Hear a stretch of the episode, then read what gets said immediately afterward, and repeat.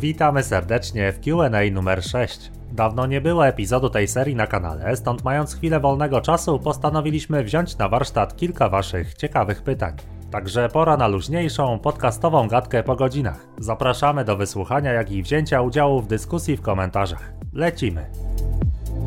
Użytkownik Barus B już jakiś czas temu zapytał nas, czy wystawiliśmy kiedyś jakiemuś uczniowi ocenę niedostateczną na półrocze czy też koniec roku. Oczywiście, że tak. Ocena niedostateczna, jak każda inna, jest nieodłącznym elementem szkolnej rzeczywistości i chociaż nie pojawia się w moim przypadku obecnie bardzo często, gdyż mam ten zaszczyt uczyć młodzież bardzo zdolną, to czasem do dziennika takową ocenę mam okazję uczniowi wpisać. Generalnie system oceniania, jaki obecnie funkcjonuje w szkołach, nie jest systemem idealnym. Często nie oddaje faktycznego stanu wiedzy i umiejętności danego ucznia, ale jako że inny na etapie szkół technicznych nie występuje, musimy jako nauczyciele się do niego stosować, no i czasem zdarzy się, że przysłowiową pałę, kapę, czy jak tam ją sobie nazwiecie, wystawię. Zasadniczo taka ocena jest informacją dla ucznia, że nie przyswoił sobie danego zakresu wiedzy czy umiejętności na określonym, wymaganym poziomie. Jaki to jest poziom? No to już określają tak zwane systemy oceniania obowiązujące w danej szkole. W moim przypadku na ocenę niedostateczną trzeba sobie mocno zasłużyć. Nie jestem typem nauczyciela, którego głównym celem jest udowodnienie uczniowi, że nic nie umie, nic nie potrafi i w ogóle powinien się zastanowić nad sobą i swoją przyszłością. Staram się wyciągać z uczniów to, co mają najlepsze, podpowiadać, pomagać w tym, co robią, tak aby nie musieli zarywać nocek, wkuwając regułki na pamięć i drżeć na myśl o zaliczeniu danego przedmiotu u Stelmacha. Chociaż zdarzają mi się co jakiś czas przypadki tzw. Tak jednostek wybitnych, które wkładają 100% swojego potencjału w to, abym bez skrupułów taką ocenę mógł im wystawić. Kontynuując może wątek edukacyjny, odpowiem na jeszcze jedno pytanie, które zadał użytkownik Onikusa Cheese. Mam nadzieję, że dobrze wymówiłem tę ksywę. Zapytał on nas o ocenę polskiego systemu edukacji i ewentualne zmiany, które jeśli moglibyśmy wprowadzić, wprowadzilibyśmy. Zanim odpowiem na to pytanie, to chciałbym podkreślić, że moja ocena nie będzie całościowa. Pracując w szkole średniej, nie mam wiedzy na temat całego systemu edukacji w naszym kraju. Niewiele wiem na temat edukacji przedszkolnej, wczesnoszkolnej czy edukacji na etapie szkół podstawowych. Moja opinia w temacie skupiać się będzie na szkolnictwie, które do niedawna nazywane było ponadgimnazjalnym. Teraz, jako że gimnazja są już zamykane, będzie się pewnie nazywać szkolnictwem ponadpodstawowym.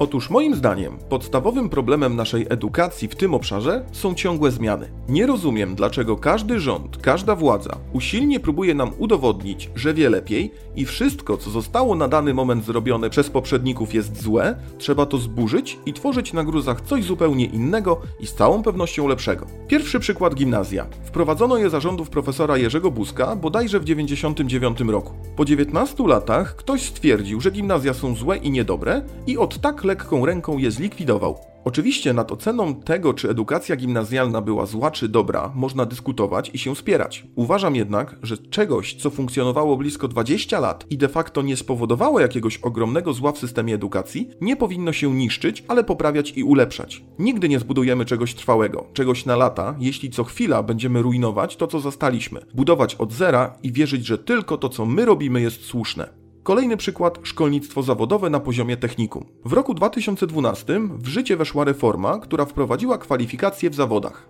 W technikum informatycznym, jak pewnie wiecie, były trzy kwalifikacje. Funkcjonowało to moim zdaniem całkiem ok.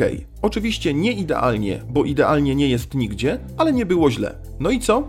No i przyszła pani minister i oczywiście dokonała zmian, bo tak uważała, bo taką miała wizję. W większości zawodów na poziomie technikum zmieniono kwalifikacje, najczęściej zmniejszając ich ilość. Niektóre łącząc z innymi, niektóre rozdzielając. No niby nic takiego, ale dzięki tym zmianom mamy obecnie w technikach sytuację, w której równolegle idą klasy z różnymi programami.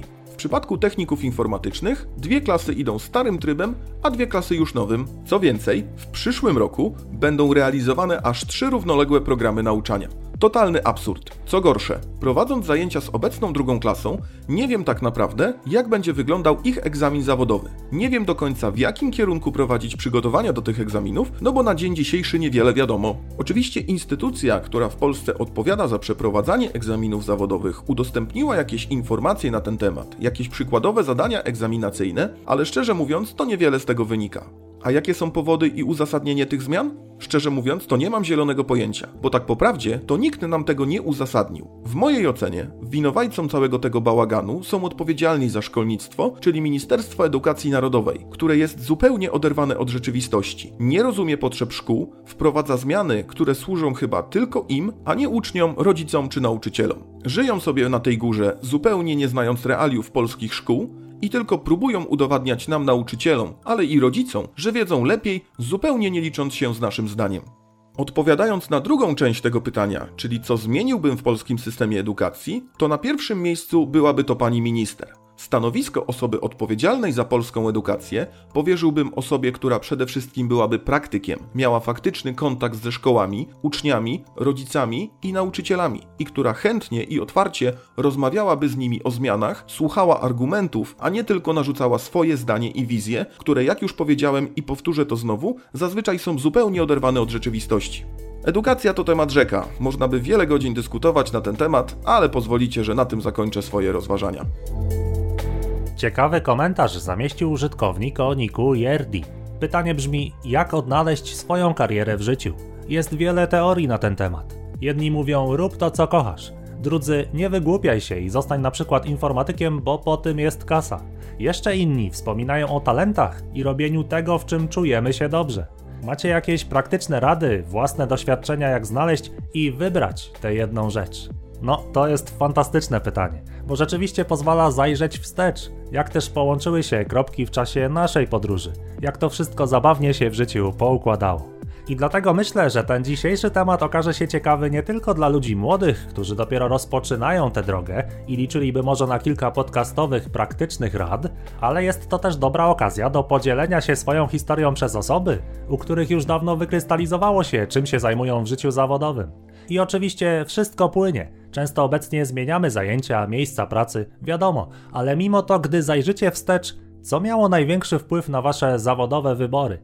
Jaką najcenniejszą radę dalibyście samemu sobie, no albo innej osobie, która znajduje się na początku tej drogi? Sam jestem ciekaw waszych opinii na ten temat. Jak odnaleźć swoją karierę? Jak wybrać to konkretne zajęcie? No, wydaje się, że uniwersalnej odpowiedzi nie ma, ale osobiście uważam, że jak najbardziej daje się wyróżnić taki rdzeń tego, co warto rozumieć, kiedy stoi się u progu wybrania konkretnego zajęcia dla siebie. Pamiętam taką historię z Nawyku Dyscypliny, książki Nila Fiore. Autor opowiada historię grupy studentów, którzy mieli problem z ukończeniem pisania pracy magisterskiej. Nil zauważył, że wszyscy ci ludzie charakteryzowali się tym, że to pisanie pracy uważali za ciążący na nich obowiązek, za coś, co muszą zrobić. Często też ludzie ci nie potrafili pracować, jak to się mówi, zero-jedynkowo. Czyli kiedy piszę pracę, to oddaję się tylko tej czynności, skupiam się na tym, co robię i nic innego nie istnieje. Ale też analogicznie, kiedy odpoczywam, to nie myślę o pracy magisterskiej i o tym, co muszę jeszcze wykonać, tylko w całości oddaję się rozrywce. I tego brakowało tym studentom. U nich wszystko było rozmyte. Czuli się zmęczeni i przytłoczeni obowiązkiem ukończenia pracy, przez co wiele tu i teraz, zamiast de facto posuwać się do przodu, rozmyślali bardzo wiele o tym, co, jak i kiedy trzeba zrobić. I nawet gdy później oddawali się jakiejś rozrywce, to tak naprawdę ona zamieniała się również w torturę, bo towarzyszył jej niepokój i przede wszystkim wyrzuty sumienia. No bo bawię się i tracę cenny czas zamiast kończyć pracę, a przecież tyle mam jeszcze do zrobienia. Wiara w siebie i motywacja wówczas po prostu w nas umiera. Czujemy się jak najgorsi, leniwi, prokrastynujący frajerzy, którzy nie potrafią zebrać się do kupy i wreszcie ogarnąć. I tak mogą mijać całe dni, tygodnie, w takim rozmyciu, w takim limbo, gdzie realnie nic nie zostaje wykonane, a wydaje się, że żyjemy tym obowiązkiem całe tygodnie. Jak to mówią, being busy is not the same as being productive. Ale po co ja o tym mówię? No bo tutaj pojawia się rola pasji i możliwość jej rozpoznania. Mówi się, że aby osiągnąć w czymś mistrzostwo, to trzeba na daną czynność poświęcić około 10 tysięcy godzin. 10 tysięcy godzin. To jest szaleństwo przeznaczyć taką ilość czasu na trening jednej umiejętności. Często mówimy zresztą, że dosłownie oddajemy się jakiemuś zajęciu. I to jest prawda. Czas jest najważniejszą walutą, jaką posiada każdy człowiek. Możesz nie mieć dobrego startu, możesz nie mieć pieniędzy, ale dostałeś czas. Więc szukając kariery, czyli zajęcia dla siebie, warto przyjrzeć się, gdzie na co dzień ten nasz czas lubimy wydawać. I to uwaga, wydawać zero-jedynkowo, czyli skupiać się w całości na danej czynności także nic innego wtedy nie istnieje. Inaczej możemy powiedzieć, że wpadamy podczas wykonywania tej czynności w tak zwany stan flow lub po polsku stan przepływu. Co to jest ten stan flow? No, to jest takie zjawisko, które zachodzi, kiedy zdarza nam się nie zauważyć upływu czasu, który minął, gdy zajmowaliśmy się daną czynnością. Tak jesteśmy zaabsorbowani, tak zero-jedynkowo wciągnięci w to, co robimy. Oczywiście to zdarza się okazjonalnie, nie jest to codzienny stan naszego funkcjonowania, to jasne. Natomiast po takich epizodycznych stanach flow można poznać, czy rzeczywiście lubisz się daną dziedziną zajmować. I żeby nie być gołosłownym, podam przykład. Jest taki podcast na tym kanale, nazywa się Wojownik Poeta, odcinek pierwszy, Inicjatywa. Może widzieliście, może nie, nieistotne. Pamiętam jednak tworzenie tego scenariusza. To znaczy, pamiętam, że usiadłem do tego i że skończyłem pisać. Ten podcast kończy się słowami w ledwo słyszalnym poszumie wiatru. No i pamiętam, jak wówczas zapisałem te słowa, dałem kropkę. Skończyłem. Patrzę na zegarek, a tam po 22, czyli ponad 3 godziny nie moje, wyjęte z życiorysu. A ja miałem wrażenie, że minęło może ze 40 minut. Te słowa po prostu przeszły przeze mnie, jednym tchem. Totalny stan flow w kompletnej nieświadomości. I takie same stany totalnej imersji pamiętam z programowania, gdzie wciągnięty w ciekawy problem nawet nie zauważałem upływu kilku godzin. Oczywiście jako człowiek dorosły organizuję swój czas, przez co nie udaje mi się już tak często popadać w stany flow. Jest cała masa obowiązków w różnych obszarach życia, więc tego czasu trzeba pilnować. Każdy, kto sam się utrzymuje, o tym wie. Natomiast gdy się jest młodszym, to właśnie takie popadanie w stany flow może świadczyć o tym, że dana dziedzina jest dla nas dobrym kandydatem na zajęcie życiowe, zawodowe. I tu może ktoś powie, no ale ja wpadam w stany flow jak oglądam seriale, albo jak gram sobie w Wiedźmina. Mogę siedzieć 10 godzin nie patrząc na zegar. No, rozumiem doskonale, ale mówimy tutaj o czynności twórczej. To, że się nastawiasz na odbiór, wyłączasz umysł i żyjesz w strumieniu świadomości jakiejś serialowej czy growej postaci, nie oznacza, że cokolwiek tworzysz. Seriale czy gry fabularne to często mentalne oderwanie się od miejsca, w którym aktualnie się znajdujesz. Stąd można to łatwo pomylić ze stanem flow. Natomiast przepływ dotyczy czynności normalnie zawsze wymagającej pracy, realnego twórczego wysiłku, tworzenia wartości. Ale mimo to ty zrealizowałeś tę pracę lekko, bezwiednie, ale i zabójczo skutecznie. To jest stan flow, ok? I teraz wnioski. Szukając swojej ścieżki kariery zawodowej, warto przyjrzeć się zajęciom, których po pierwsze nie uważamy za przykry obowiązek, po drugie, mimo że zasadniczo są trudne i wymagają godzin szlifowania skilla, to my i tak ten czas, często siłą pasji, na tę naszą zajawkę wygospodarujemy, poświęcimy, chętnie oddamy.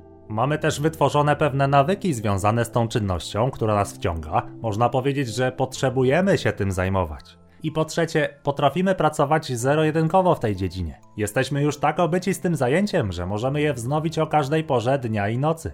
I zajęcie to skupi z automatu większość naszej uwagi, jeśli nie całą naszą atencję. Popatrz na twarz rysownika, kiedy tworzy komiks. Spójrz w oczy szachisty, gdy ktoś pokaże mu pozycję z wczorajszej partii. Zobacz, jak skupiony bywa programista, gdy zmaga się z ciekawym problemem, gdy walczy z maszyną, która sieje błędami. Poczuj tę twórczą gorączkę. I tak samo zawodowy kierowca w trasie, szermierz na planszy, lekkoatleta na bieżni, dobry wykładowca, który właśnie występuje publicznie. Co ich łączy? Godziny przepracowane w swoim fachu, mnóstwo przetrawionych porażek, wytworzone pozytywne nawyki związane z tym zajęciem, tak zwana pewna ręka w tym, co robi. Czy rysuje, czy przemawia, czy prowadzi samochód. To jest to ludzkie dążenie do poprawiania się, do bycia nieco lepszym niż się było wczoraj.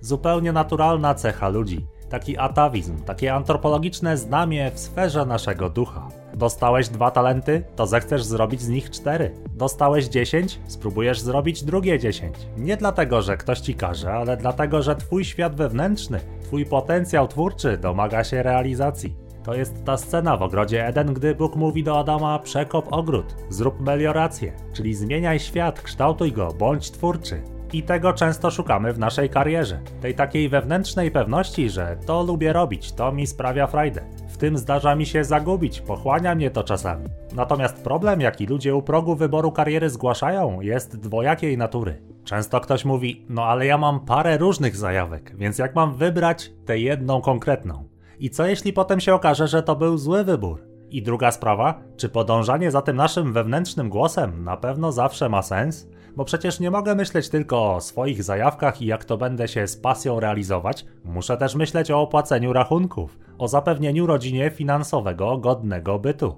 I to są słuszne wątpliwości, jak najbardziej uzasadnione. I absolutnie każdy człowiek przeżywa tego typu rozterki. Co do pierwszej części pytania, jak wybrać tę jedną dziedzinę? Moja teza jest taka. Tak naprawdę to szukamy w takim pytaniu gotowej, jednoznacznej odpowiedzi, aby doznać poczucia komfortu, tej świadomości, że ja to już znalazłem moją pasję, moje zajęcie, moją karierę. Natomiast w praktyce, w codziennym życiu takie pytanie o jedną pasję jest czysto akademickie, bo przecież każdy człowiek jest inny, więc ma zupełnie inny bagaż doświadczeń i filtrów, przez które ogląda rzeczywistość. Więc tak naprawdę nikt nie wybiera jednej życiowej pasji, bo każdy z nas nadaje, jak ja to nazywam, osobisty dotyk temu, co robi. O co tutaj chodzi? No, na pewno mogę opowiedzieć o sobie, jak to wyglądało u mnie. Zobaczcie, jestem nauczycielem w ostatnich klasach technikum. Interesuję się psychologią i filozofią. Kocham matematykę i programowanie, lubię dobre książki, gry komputerowe, seriale czy filmy. Jak również interesuje mnie poznawanie ludzi i ich sposobów postrzegania świata, czyli mowa o umiejętnościach miękkich. I zobacz, ta moja osobowość, ten mój wachlarz zainteresowań, każdy ma inny, ale ten mój sprawia, że tutoriale, które wynikowo tworzę na YouTubie, mają taki osobisty, indywidualny posmak prawda? Widać w nich tę mieszankę wspomnianych zajawek. Tutorialu mojego autorstwa na pewno odczujesz trochę takie bycie na lekcji czy na wykładzie, a jednocześnie pojawiają się wątki z zakresu psychologii i filozofii, nawiązania do przeróżnych książek, filmów czy seriali w postaci cytatów. Jest wiele matematyki, ale czasem też jakiś suchar dla podtrzymania atencji. To jest ta nić niemego porozumienia, że pamiętam o tobie, że empatycznie wiem, że materiał jest dla ciebie, nie dla mnie ok? I tak samo twój wachlarz umiejętności i twoja osobowość wpłynie na to, czym się na co dzień zajmujesz. Czyli innymi słowy, każdy człowiek posiada pewną kulę śnieżną swoich umiejętności, swoich doświadczeń życiowych, swoich zajawek. I dlatego twoja aktywność w danej dziedzinie i tak zawsze będzie dystynktywnie inna, aniżeli aktywność kogoś innego w tej samej branży, czy nawet w tym samym zajęciu. Siłą rzeczy zawsze nadajemy temu, co robimy, indywidualny dotyk, specyficzną tylko dla nas ekspresję, wibrację, za sprawą naszych doświadczeń, naszej osobowości. I dlatego zawsze twierdzę, że taki wybór jednej dziedziny jest akademicki, czyli czysto teoretyczny. Bo i tak to, co robisz, zostanie dotknięte, przemielone przez Twój skillset twój snowball się przez to przetoczy, to ty nadasz temu indywidualny, zupełnie niepowtarzalny wyraz i posmak. Czy będziesz rysownikiem, sportowcem, kierowcą, programistą, nauczycielem, sprzedawcą, to są tylko etykiety. Andrzej Mleczko i Marek Lenz, obaj rysownicy, ale jakże inna kreska, jak inne poczucie humoru. Graham Masterton i Stephen King, obaj powieściopisarze gatunku grozy, lecz jak różne klimatem opowieści tworzą. Cristiano Ronaldo i Leo Messi, obaj piłkarze, ale jakże odmienny styl gry na murawie, inne realizowane zadania. Etykieta nie ma znaczenia. Jako człowiek i tak nadasz temu, co robisz, indywidualny charakter. Charakter ten będzie wynikał z tego, kim jesteś, co przeżyłeś, w jakim strumieniu świadomości przebywasz. I teraz co do drugiej wątpliwości, co ze sprawami przyziemnymi? Czy oddać się w 100% pasji, która nie zawsze przecież musi być dochodowa, czy jednak zająć się czymś, co przede wszystkim daje utrzymanie, a nawet więcej, lepszy komfort życia, tak dla siebie i bliskich. I tutaj mówię, według mnie to ważna wątpliwość i nie należy źle policzyć na magiczne zrządzenia losu. Owszem, absolutnie trzeba mieć zaufanie do życia, taką naturalną wiarę w to, że wszystko się samo wykrystalizuje, zwłaszcza jeśli codziennie wykonujemy dobrą robotę, analizujemy i ulepszamy się. Natomiast uwaga, czasami do pełnej realizacji jakiejś pasji, jakiejś drogi życiowej trzeba dostać się po szczeblach, po pewnych etapach. Powinna cechować nas cierpliwość, odpowiedzialność, planowanie, wyznaczanie realnych, mierzalnych celów, czyli przede wszystkim zdrowy rozsądek. Ta postawa, o której wspomniano w pytaniu, idę na informatykę czy programowanie, bo po tym jest kasa, no to jest niewłaściwe podejście. Myślę, że niewątpliwie czujemy to wewnętrznie. W takim mindsetie patrzymy ślepo na benefity, nie zastanawiając się, jak na co dzień to programowanie rzeczywiście wygląda. Jak to jest walczyć z maszyną siejącą błędami? Jak to jest stale się uczyć, przeżywać różne lepsze i gorsze chwile w krainie matematyczno-logicznej abstrakcji, wśród klas i obiektów? Przeżywać gorączki twórcze i podświadome blokady w poszukiwaniu wreszcie działającego rozwiązania. Gdybym chciał takie skupienie na benefitach przekazać metaforą, to byłoby to tak jakby chcieć zostać mistrzem olimpijskim w pływaniu, bo widziało się kogoś na podium w telewizji, ale nie zdawać sobie sprawy, że codziennie o 5 rano trzeba będzie już być w basenie i zacząć pierwszy z trzech dzisiejszych treningów. To jest taki poziom naiwności. Także szukając zajęcia dla siebie, nie bądźmy naiwni. Poznajmy daną dziedzinę, przepracujmy wiele godzin, zobaczmy jak to wygląda na co dzień. Jeśli dana zajawka rzeczywiście wciąga nas, zdarzyły nam się stany flow, mamy wykształcone konkretne codzienne nawyki związane z tym zajęciem i są jakieś owoce tych zainwestowanych w te pasje godzin, wtedy można rozpatrywać tę czynność jako potencjalnego kandydata na karierę zawodową. A i tak kula śnieżna Twoich umiejętności, zainteresowań i doświadczeń, czyli Twoja osobowość, ostatecznie wykrystalizuje Twój własny, niepowtarzalny styl w tej dziedzinie. Styl, który podważać będą inni, który negować będą zwłaszcza perfekcjoniści, ale też styl, który Ciebie uczyni jedną z wyjątkowych osób zajmujących się właśnie tą dziedziną. Tego Ci życzę. Nie powtarzaj stylu innych, bądź sobą. A kiedy planujesz, rób to mądrze, odpowiedzialnie. Dbaj o rodzinę, nie bądź naiwny. Zakładaj pewne etapy realizowania pasji. Tyle mogę doradzić od siebie co do wyboru tego swojego zajęcia. Powodzenia, wszystkiego dobrego. Okej, okay, no to tyle podcastowej gadki w dzisiejszym odcinku QA. Do usłyszenia niebawem. Pozdrawiamy serdecznie. Mirosław Zelent i Damian Stelmach.